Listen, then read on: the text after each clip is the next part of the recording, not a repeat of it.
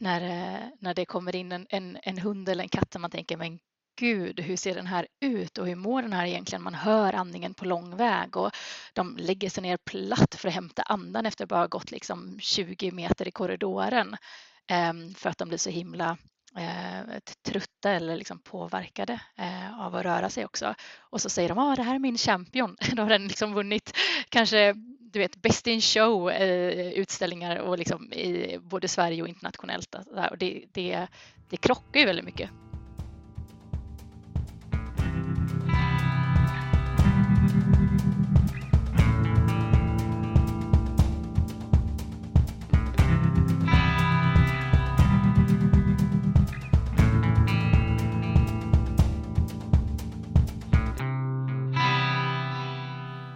Hej och välkomna till podden Alla älskar djur.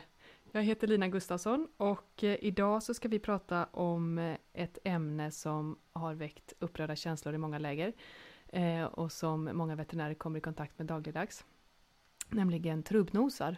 Och med mig idag så har jag Jonna Johansson som är veterinär och kliniskt verksam på västkusten va? Precis, sitter mm. i norra Bohuslän just nu. Norra Bohuslän, härligt. Eh, och du jobbar som veterinär på en veterinärklinik eller på djursjukhus eller? Både och. Både och. ja, jag jobbar både på stora, ett större djursjukhus eh, och eh, en mindre smådjursklinik då okay. med framförallt hund, eh, katt och kaniner bland annat. Mm.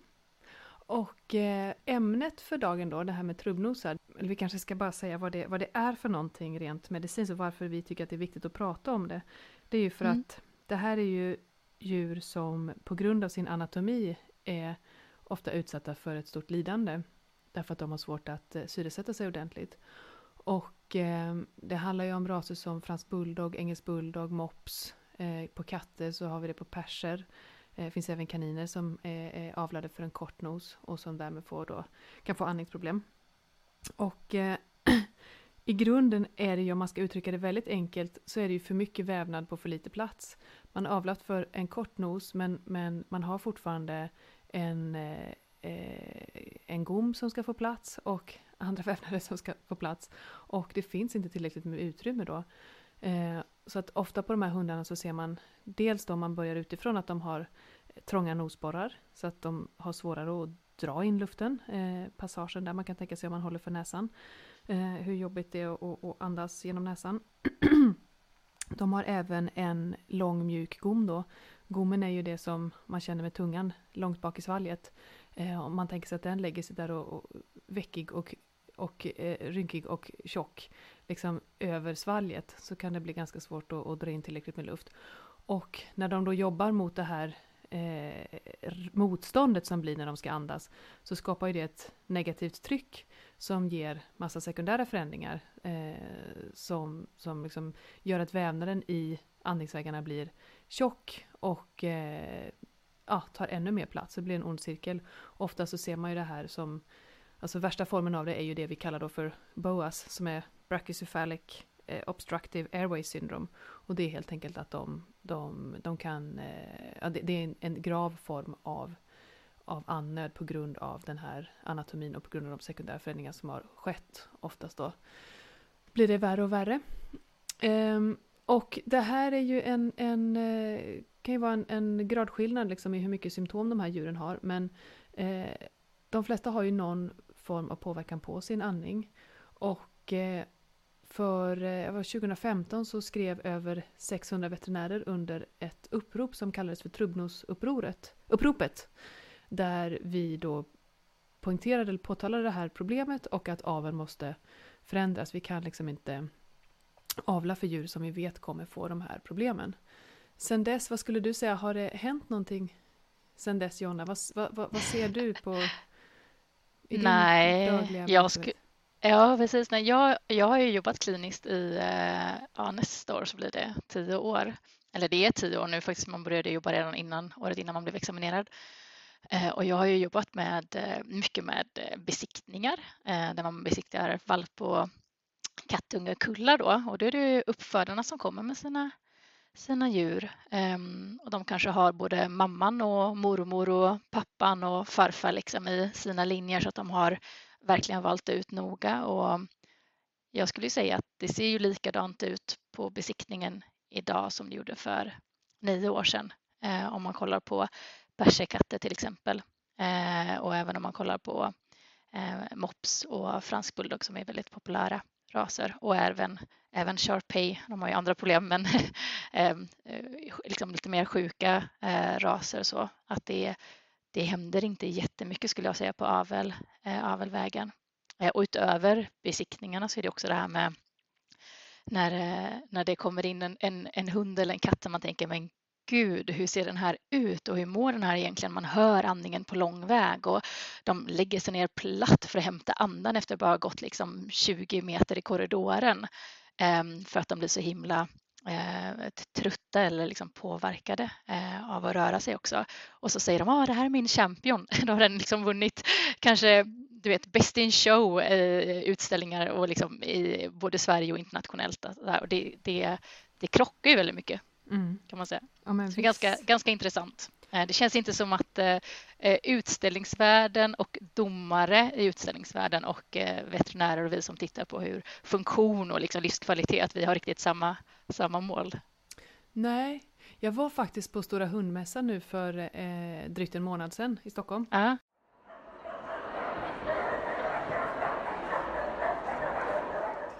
och eh, tittade lite på hur, vilka hundar det var som, som vann. vann. Och, och, ja.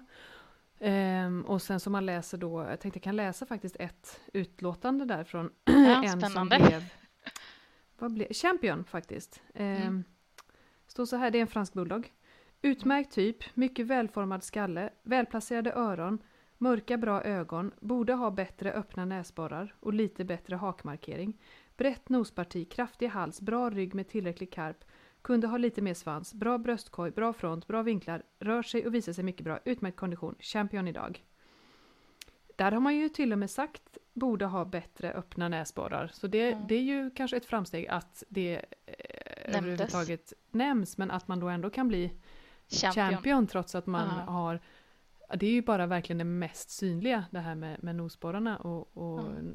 ja, nosens längd. Då. Men allt det som är nere i svalget och så, det ser vi ju inte förrän man, eh, man söver dem söver och, och tittar ner. Och tittar ja. in. Ja, så är det verkligen. Och det är ju inte bara, ska man säga, det blir oftast väldigt mycket fokus på och även nu när, vi, när du eh, förklarade så bra här i inledningen just med um, andningsvägarna men, men tyvärr så påverkar ju det här, du var lite inne på det här negativa trycket som blir i lungan också. Mm. Det påverkar även så att till och med man kan få problem med matstrupen och magsäcken. Den kan liksom börja komma in i brösthålan istället för att stanna på rätt sida eh, av eh, diafragman, då det här mellangärdemuskeln som ska hålla tillbaka bukorganen i, buk, i bukhålan. Så att det är, det är ganska stora allvarliga systemiska sjukdomar som kan komma också av att de är avlade på det här sättet, har för kort nos och mm. för lite plats för andningsvägarna. Ja. Um, så att, ja, nej, det är verkligen det är fruktansvärt. Men, men det är intressant att domaren ändå nämner det och även det här med svansen då. Eh, just att det är, till och med liksom nämns att den kanske är för kort för de har ju, de avlar ju, men det är en missbildning som, som de har naturligt redan då. Eh, och den kan ju också ge vissa individer problem och då tänker man ju att men herregud, har inte, har inte hundar och katter på utställningar genomgått en veterinärbesiktning? Eh, och då tänker man, men de här borde ju inte ha kommit igenom. Man tänker, eller som veterinär tänker jag, men gud om jag hade stått där och besiktigat inför utställningen så hade de ju fått åka hem igen. Mm. Eh, mm. Men jag har faktiskt inte, jag har inte varit på utställning på säkert 50, jag har inte varit på utställning sedan jag, var, sedan jag blev veterinär. Kanske man ska göra som ett studiebesök för att se hur det, hur det ser ut i domarringen egentligen. Ja men det var intressant faktiskt. Jag hoppas att vi kan få någon eh, domare eller någon som är engagerad i det hit också och, och prata om hur de, vad de tittar på, hur de ser på det Tänker. hela och på arbetet. Ja, och vad, vad, de har kanske också för utbildning i fysiologi och funktion. Eh, för jag menar, hunden är ju ett funktionsdjur, alltså den är ju, kan ju vara sällskap och så också, men den är ju det är ett fysiskt djur. Ja, men precis. De har ju en hjärna som kräver mycket aktivitet. Exakt, och kan man då inte eh, Nej, men kan man inte utföra sina... Jag menar andningen, andningen är ju det mest basala vi har egentligen. Ja, även en mm. sällskaps, eh, ett sällskapsdjur behöver ju kunna mm. andas. Mm. Och det har man ju sett att, att eh, ja, men får man inte tillräckligt med luft eh, så kan man ju känna liksom eh, lufthunger och ja. ja eh, att man blir, eh, det blir ett tryck i bröstet. Ångest, precis. Det är ju otroligt eh, starka känslor som väcks av det. Och det tänker jag nu efter corona när många kanske, eller covid-epidemin som har varit här, att kanske många människor idag förstår det här med att om, om det är lite tungt att andas tungandet. Eh, det är ju så många av, av våra, tyvärr, de här brachycefala, trubbnosiga djuren känner hela tiden, ja. hela sina liv. De går liksom runt med det och många som kommer in till mig med, med just de här raserna eh, säger ju att individerna är så fruktansvärt trevliga. De är så lugna och alltså de kan vara glada och så och så men det är så korta stunder och de är ganska lätta att ha och så och då tänker man alltid men gud är det för att, för att din hund eller din katt inte orkar leka mer än kanske 20-30 sekunder och sen måste hämta andan. Mm. Det vet man ju inte alltid men i vissa fall kan man ju se det, att det faktiskt är därför de är lugna. Och sen har man de här andra individerna som eh, lever med, eh, på en hästgård och kan springa flera, flera mil och det är, ju, det är ju fantastiskt men tyvärr hör ju inte de till vanligheten. Nej, precis. Det, är ju, det är ju verkligen ett, ett spektrum. Det är ett spann. Ett spann, ja. Ett spann. ja, men precis. Men jag hörde det var någon veterinär som sa eh, att ja, men, ofta kanske vi säger en andas bra för att vara mops, till exempel. Ja. Eh, men att det är ju inte ett, ett, en, en rimlig måttstock, utan man ska ju andas bra Oavsett, man ska andas lika bra som en hund med, med, eh, eh, med, med lång nos. Ja, och det är ju någonting som har hänt sedan jag blev veterinär faktiskt, här att eh, jag pratade ju i inledningen om besiktningar. Ehm, det är väldigt vanligt att man, man gör det när de är unga men även vid försäljning och överlåtelse eller om man ska försäkra in sitt djur. Och när jag började som veterinär så fick jag information och utbildning att man ska skriva ja, men rastypisk eller enligt rasstandard att det var okej okay med eh, för kort nos till exempel eller att eh, ja, men lite biljud från andningsvägarna när man lyssnar på lungorna får det lov att vara för att det här är ju ändå en en, en engelsk bulldog till exempel. Mm. Eh, och, och, det är väl egentligen det enda som har hänt alls är väl att jag upplever att man kanske inte ska skriva så längre utan att man försöker få till en, en kulturförändring hos veterinärer. Att vi, vi ska utgå från normal anatomi och funktion och inte utgå från vad som är normalt för, en, för alla. En fransk bulldog till exempel. Normalt för en, en eh, trubbnosig hund då, utan försöka utgå från den normala nosen. Hur den egentligen ser ut då, så att mm. alla, alla små, små viktiga strukturer där i får plats. Mm. Och det, det tycker jag verkligen att just debattmässigt har det ju hänt mycket, medvetenhetsmässigt. Eh, men det man ser på kliniken är ju samma sak. Alltså avelsmässigt ja, verkar det ja, inte ha skett men, några... Men jag tänker, jag tänker att man ser...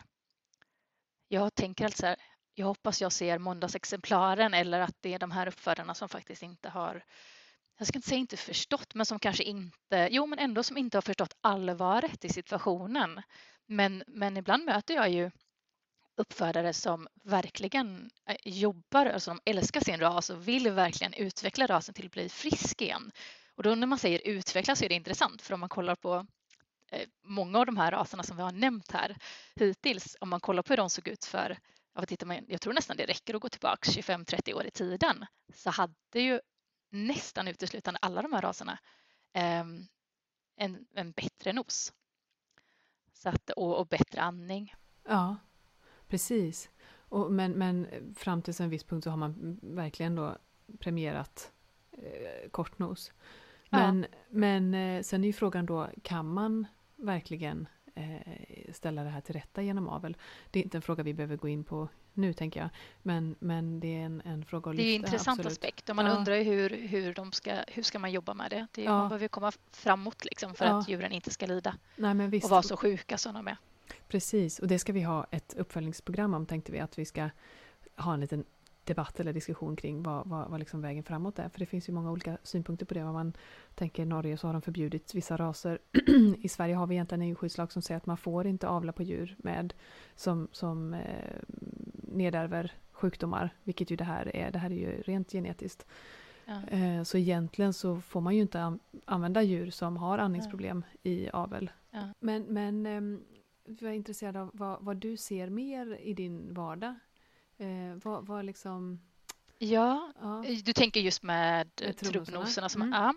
eh, mycket öronproblem och hudproblem överlag. Eh, många har ju, när man får väldigt kort nos så är det inte bara vävnaden på insidan som får problem utan det är även huden som inte riktigt hänger med. Så att de får ju väldigt mycket väck då. Eh, och de här, eh, man kan få nosveck och man kan även få att det inte ser bra ut runt ögonen och sånt. Så att man får att det är, ögonlocken sitter inte bra på, öga, på ögat och då får man ju problem att tårarna kanske inte går ner i tårkanalen som de ska utan de rinner över istället och hamnar på huden under ögonen. Mm. Ehm, och då kan man få massa infektioner som kroniska svampinfektioner till exempel och i huden ehm, och man får kronisk missfärgad ehm, päls till exempel. Ehm, men det som är allvarligt är att man kan få de här infektionerna då och det vet vi, det, det svider ju som när vi har eksem eller vi får ett, en infektion i huden någonstans. Att det är liksom, då går man runt med ett kroniskt kliande och svidande på, på huden. Um, så det är också ett problem då. Och så det här med öronen, att det är för trångt helt enkelt. Um, så att man kan få veckad slemhinna in i öronen eller bara att om man får en öroninfektion så vätskan kan inte komma ut eller um, det blir instängt, blir för fuktigt så att de kan få väldigt stora problem. Ibland kan man ju till och med behöva operera så att man får liksom öppna upp hörselgången för att den normala anatomin och det är samma sak för att vi kan behöva operera gommen och eh, näsborrar och ta bort väck in i eh, näshålan också mm. på dem. Jag pratade faktiskt med en kirurg, Andreas Gerdin, som har stor erfarenhet av att bedöma och operera trubbnosiga hundar. Och vi kan lyssna lite på vad han sa om varför man gör den här typen av ingrepp och vad det får för konsekvenser och hur han, hur han tänker kring det.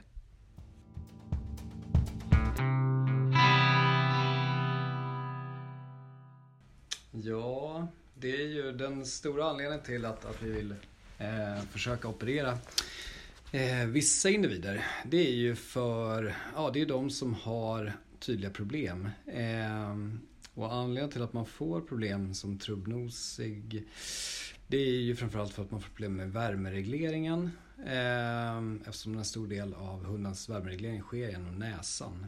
Eh, och då måste de kunna andas genom näsan. Eh, och det gör att de blir ja, värmeintoleranta och får svårt att, att hantera liksom, ansträngning och värme under sommaren framförallt. Mm. Eh, så de patienter som kommer till mig det är ju hundar som har ja, ganska mycket problem och det kan variera ganska mycket. Eh, allt från att de har väldigt lindriga eh, ja, missljud från luftvägarna till att de inte kan sova på nätterna. Mm. Eh, att, att de inte orkar gå några promenader egentligen under sommaren. Eh, till att i, i liksom de värsta fallen att, att man kollapsar, eh, framförallt då under sommaren eller att, att, eh, att det blir livshotande tillstånd helt mm. enkelt. Mm. Mm. Okay. Och det vi kan, ja, vad ska säga, målet med en, en operation det är ju att skapa plats i luftvägarna mm. helt enkelt. Vi kommer aldrig kunna återskapa näsan och vi kommer inte kunna, eh, vad ska man säga, vi kommer inte få en hund som är helt symptomfri. Eh, men förhoppningen i slutändan det är ju att vi ska få en, en, en en hund som orkar, eh, ja, i alla fall liksom fungerar. Så så. Mm. Eh, vi kommer inte få bort missljuden, vi kommer, inte, vi, kommer, som sagt, vi kommer alltid ha en hund som är värmekänslig. Så, så. Det är det handikappet som, som finns kvar. Men det som kan hända eh, med en operation det är ju att vi får en, en hund som liksom kan leva ett, ett, ett, ändå ett relativt gott hundliv som med minskade magproblem, med, eh, som sover på nätterna. Eh, och där har vi väl ändå vad ska säga, en relativt god prognos för att lyckas med det. Mm. Eh, fördelen med en operation eh, kan också vara att vi kan bromsa liksom, och stoppa i vissa fall förloppet. Ehm, eh, för den här typen av vad ska säga, tillstånd kan med åren förvärras. Så, eh, Eh, och i bästa fall kan man, kan man ja, bromsa utvecklingen helt mm. enkelt. Så. Och vad, vad, vad är det, eh, vad, vad, vad, ingår i en sån operation? Vad är det ni gör? Ja, det vi gör är att vi Steg ett är att vi, att vi går in med en kamera i luftvägarna eh, och ser, ja, för, att, för att kunna bedöma i de övre delarna av luftvägarna, för att kunna bedöma hur omfattande förändringarna är. Eh, eh, och därigenom också kunna vägleda oss lite grann om eh, ja, men dels vilken typ av ingrepp som krävs och eh, lite grann också om prognosen. Så, om, om, ja, för, att, för att kunna ge eh, vad ska säga, en tydligare prognos för eh, om vad ska säga, ytterligare ingrepp kommer att behövas och om vi tror att, att ingreppet i slutändan kommer att ge, göra någon skillnad. Mm. Är det så att vi inte märker liksom att, att det är så pass grava förändringar så, så, så att eh, vi inte tror att det kommer påverka Eh, förbättra helt enkelt för hunden, då kommer vi inte gå vidare med operationen efter den här undersökningen. Ehm, men det vi kan göra och det, det liksom traditionellt som man, som man gör det är ju att man, att man gör en operation av näs ja, den främre delen av näsöppningen. Man öppnar upp helt enkelt för luften att, att passera in i näshålan. Och sen så eh, gör man en, en, operation där man eh, kortar ner och tunnar ur den mjuka delen av gommen. Eh, och allt det här syftar ju till att som sagt få luft, att luften ska få plats att passera genom, genom luftvägarna. Mm. Och sen kan man också göra en operation där man, där man eh, utrymmer näshålan. Man tar bort det liksom slemhinne och brossknätverk som finns inne i näshålan eh, för att skapa ytterligare plats. Eh, så det är väl den typen av operationer. Och sen i vissa fall kan man behöva göra ingrepp på struphuvudet. Ehm, ehm, men det är det, det är det vi kan göra. Och sen med det sagt så kan man väl säga att det som är lite sorgligt är väl i slutändan att vi, att vi måste göra den här typen av ingrepp mm. för att få en hund för att kunna ge hundar av den här typen då ehm, ett drägligt liv. Mm.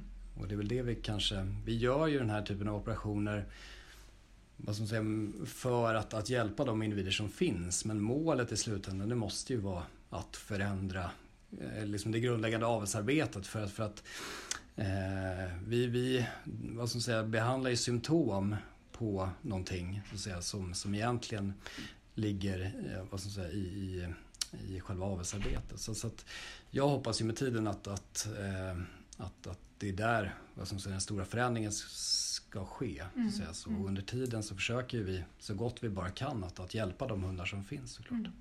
Mm. Ja.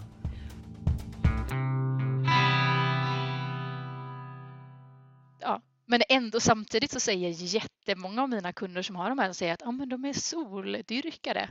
Eh, och de älskar att ligga och sola sig och sådär. Och det är ju det är klart att de gör när de ligger still då, men de mm. kan inte motionera sig i solen. De kan Nej. inte liksom röra sig för den, det blir för varmt för dem.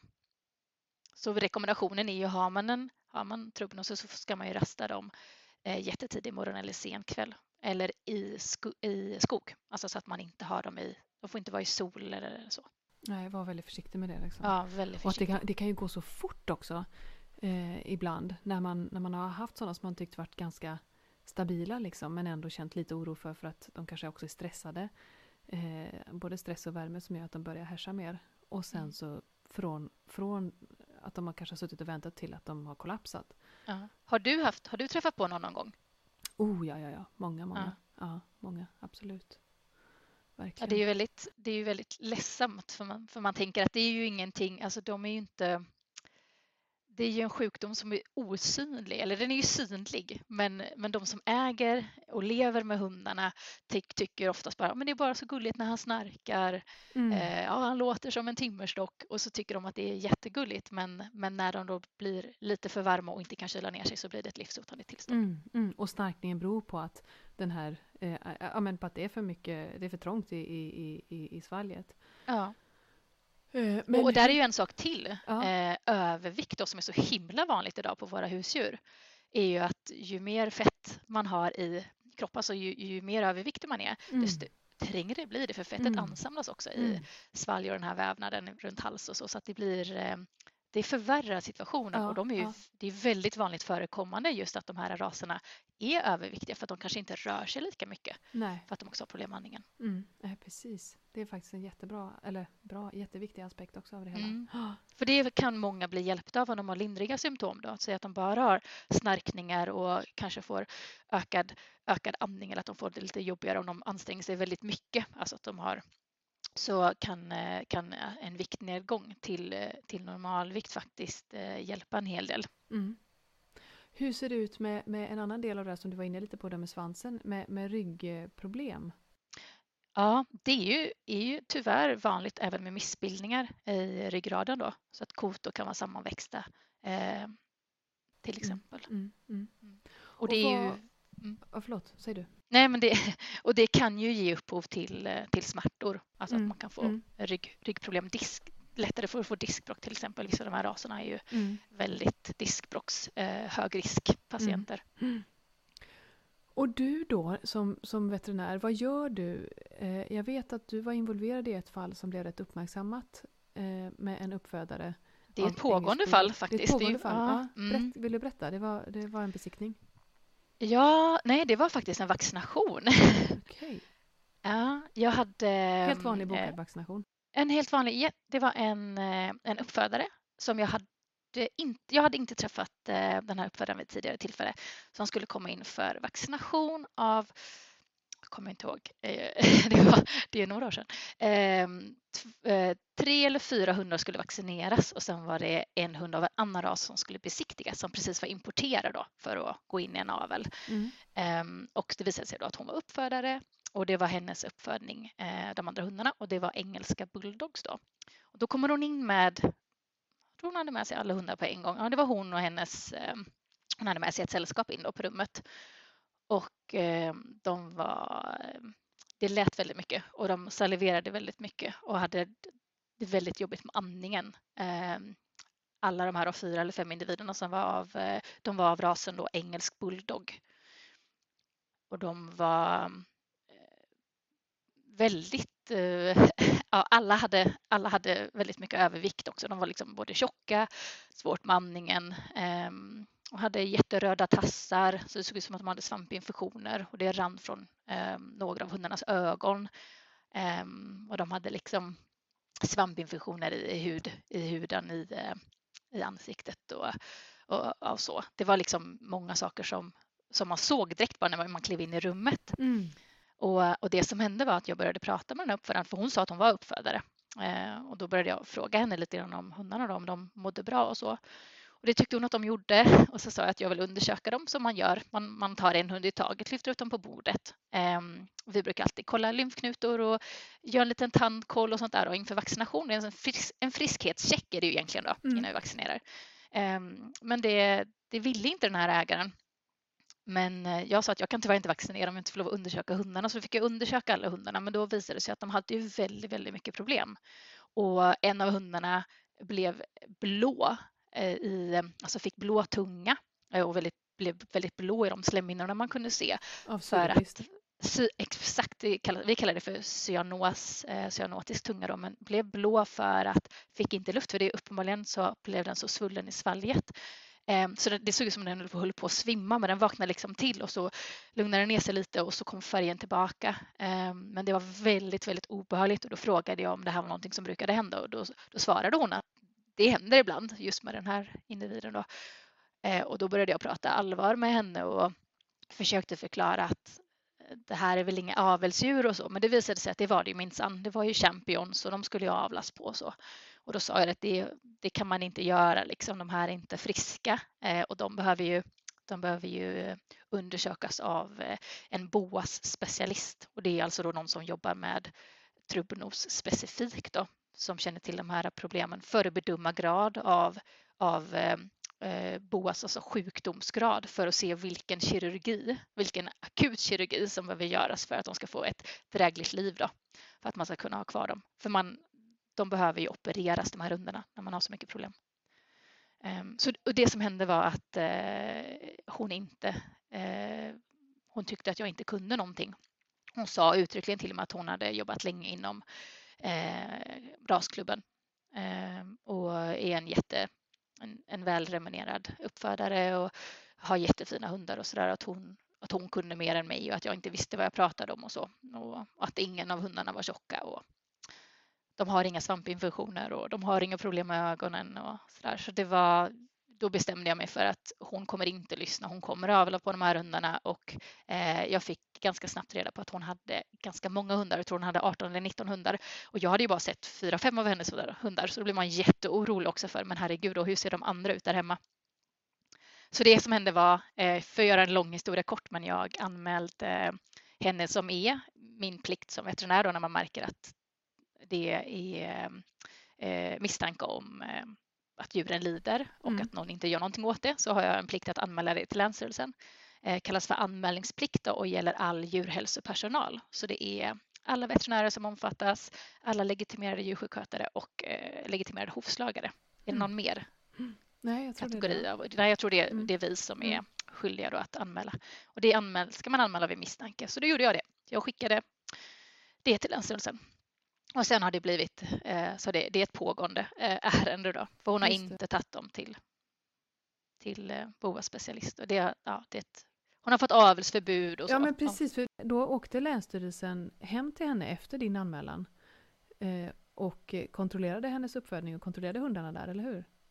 Ja, Länsstyrelsen åkte djurskyddskontrollanter då, och även veterinär tror jag var ute samtidigt på ett besök eh, hos uppfödaren och då fick eh, eh, tror att det var tre av hundarna då, fick avelsförbud direkt på dräkten på plats då.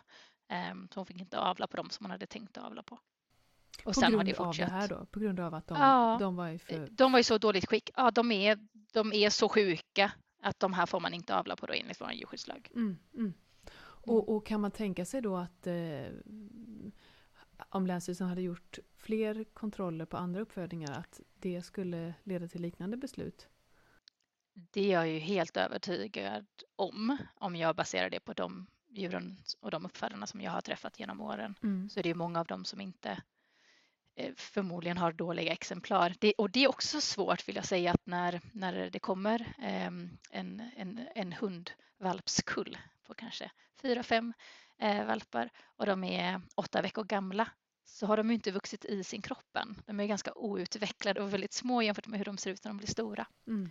Eh, och då har de inte, vi kan, jag kan inte se alla, alla symptom, alla problem de kommer få utan jag kan ju bara se det jag ser där och då. Mm. Um, och det är också svårt då och det är inte alltid man får se mamman. Jag försöker alltid säga att jag vill ha med mamman. Jag har det som krav nu för tiden på mina besiktningar att jag vill se mamman också. Eh, dels för att ID-kontrollera så att det inte är, är, eh, valpindustri, eh, är smuggelhundar så att man är säker på att det, man kan göra så gott man kan i varje fall, men att mammans Eh, mamman är med på besiktningen. Eh, men sen för att se anatomiskt då, vad det är de har avlat på. Mm. Mm. Mm.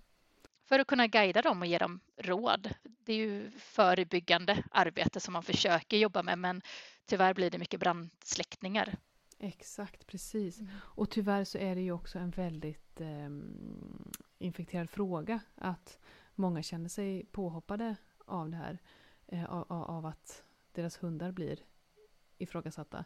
Även om det då inte är de som individer. Utan Nej. för individen vill man ju göra allt men det är ju orimligt att vi föder upp djur som vi vet kommer få de här äh, sjukdomarna. Det är ju, det är ju ja. inte bara omoraliskt, det är ju också emot lagen egentligen. Ja. Så, och jag men, tänker också att det borde vara emot äh, alla alla djurälskares bättre ja, vetande för att man vill väl inte föda en hel generation eh, hundar eller katter eller kaniner till ett liv av lidande, liksom, även om de har problem med andning eller får problem med tänder eller öron eller sådär. Det Nej, är ju fruktansvärt. Precis. Och det är ju många eh, som själva har haft en sån hund och som har, har liksom upplevt hur mycket problem det har blivit och hur dyra veterinärräkningar det har blivit och att, att man någonstans också som veterinär står ja, men man kan göra insatser till en viss gräns men vi kan ju inte förändra den grundläggande anatomin bortom viss kirurgi då.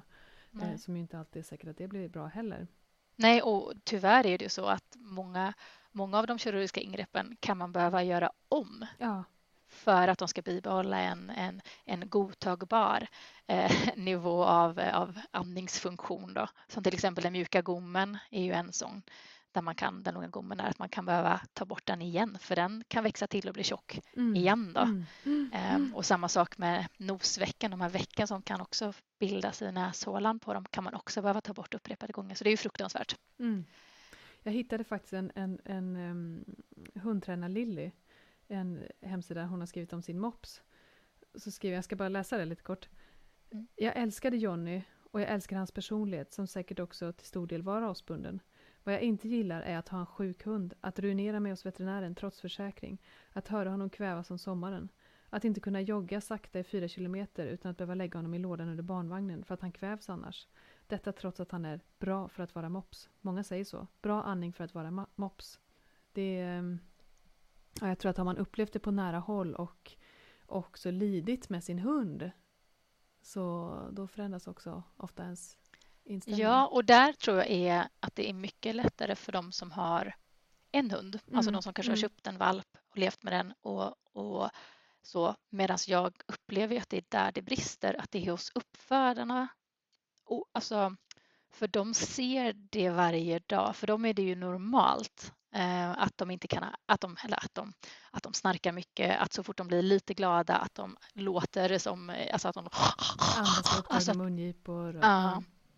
Men det är, och, så det är deras normala. Mm. Eh, de upplever ju många uppfödare och de har ju svårare att se att det är något sjukligt för de kanske har levt med den rasen och den typen av eh, ljud omkring sig och den synen på sina hundar att ja, men jag vet att de inte klarar av att gå ut på sommaren och så men eh, eller att de, jag tar inga promenader som är längre än en kilometer i lugnt tempo därför att det är vad de klarar av.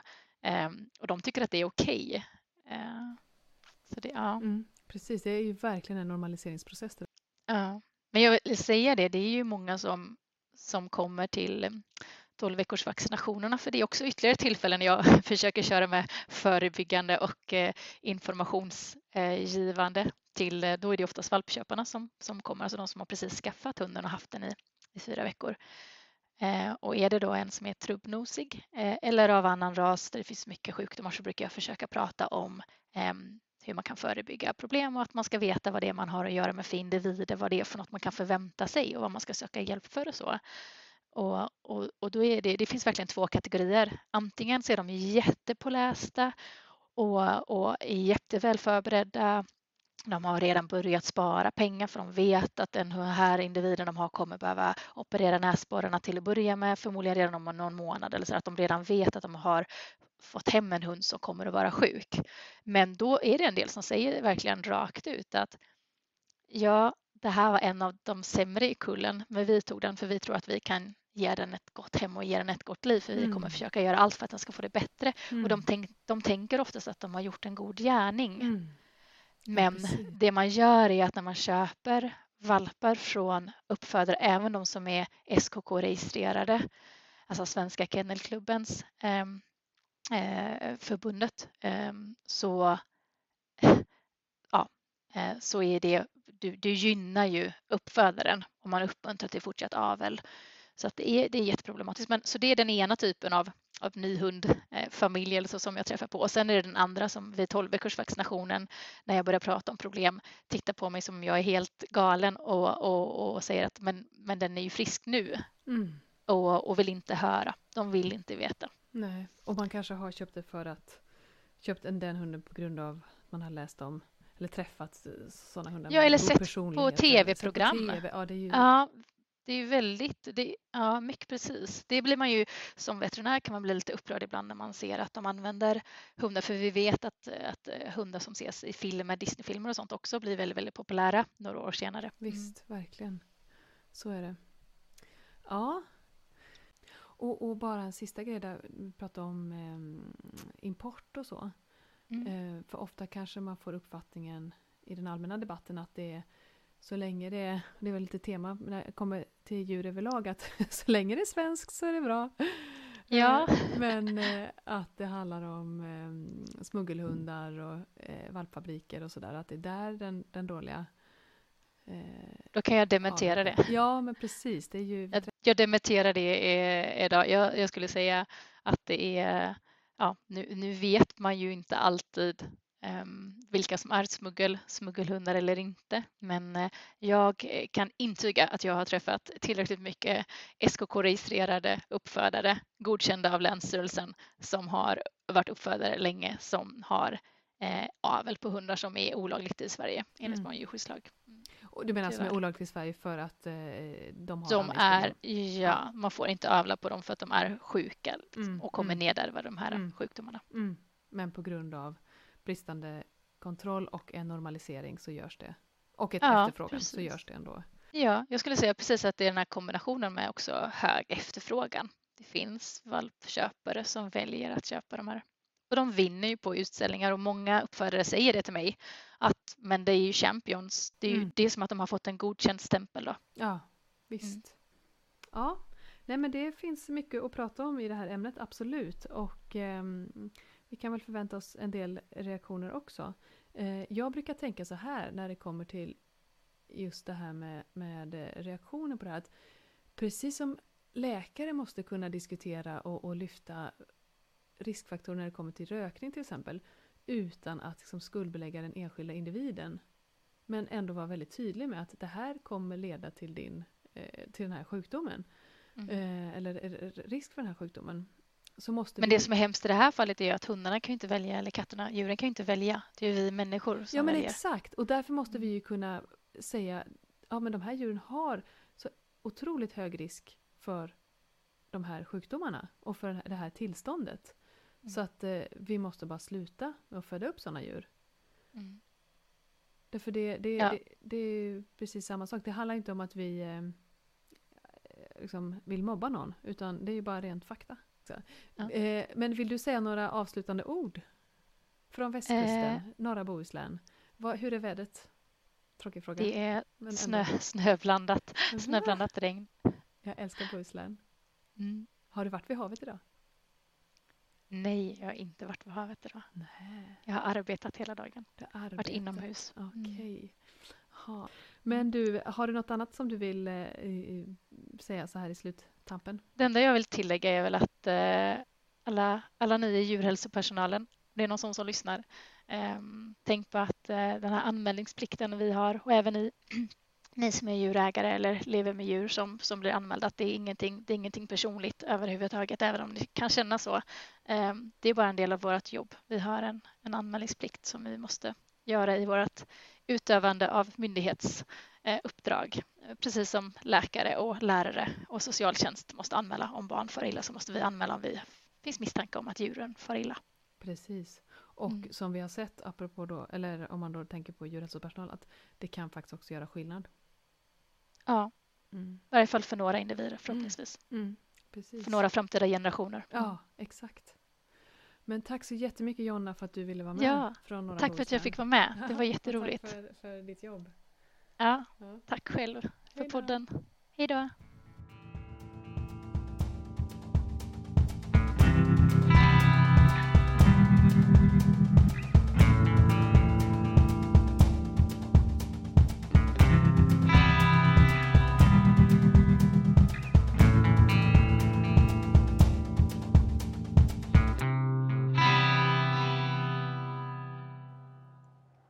Har lyssnat på podden Alla älskar djur. En podd som handlar om vad man får göra med djur. Av veterinärerna Bo Algers, Lina Gustafsson och Felicia Hogrell.